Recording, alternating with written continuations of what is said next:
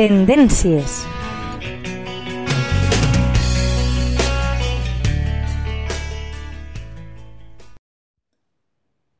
Hola, amics de la teua ràdio. Benvingut una setmana més al Tendències. Comença la temporada d'utilitzar bronzer, que són els polvos del sol. Ara, a continuació, parlarem sobre quatre errors que hem de tenir en compte eh, per evitar en la seva aplicació. Comencem la temporada alta dels polvos de, de sol, d'utilitzar bronzer, sobretot tots aquells i aquelles que optem per prescindir de tornar-nos a la platja o a la piscina i per aconseguir el, el, el to doncs, bronzejat de tota la vida. És una prevenció perdó, cada vegada més comú, sobretot a partir dels 40 anys.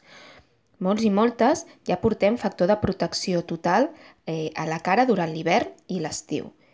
I tant els polvos de sol com els autobronzejadors ens permeten aconseguir aquest efecte de bona cara sense tenir que passar per la platja i bronzejar-nos.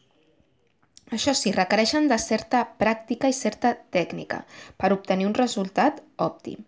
Fonamental és escollir el to correcte i la textura que ens, que ens és adequada al nostre tipus de pell. Es tracta d'afegir un vel de color, no pujar diversos tons, per això tenim l'autobronzejador, sinó que simplement és una, una capa més fina i més lleugera. D'acord? Eh, hem de tenir la pell ben hidratada, és molt important, si anem a aplicar qualsevol tipus de cosmètic en color, i més si és en pols.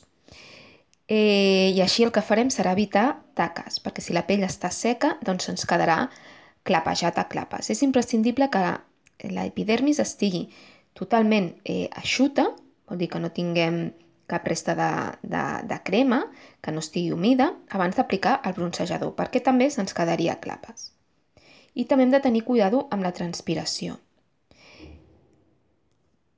Eh, una bona solució per controlar el, els brillos seria eh, utilitzar o bé en format, en format pols o també unes gotetes de bronzejador, de, de bronzer, perdó, eh, amb la base de maquillatge.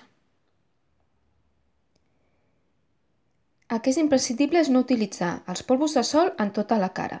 El que busquem és naturalitat i el que farem serà uns tocs en el naixement del cabell, en el front, eh, en el pont del nas, a la part superior dels pòmuls i a la barbeta. D'acord? Eh, la sutilesa és la clau. Evitarem que el, el brillo del, dels polvos de sol impactin en tot el rostre. Per últim, és molt important també escollir una bona brotxa d'acord? Per poder-los utilitzar. A més, sempre s'ha de mantenir neta i eh, controlar que no sigui massa gran per, eh, per intentar que sigui molt precisa. I d'aquesta manera obtindrem uns resultats professionals. Espero que us hagi agradat i fins la setmana que ve.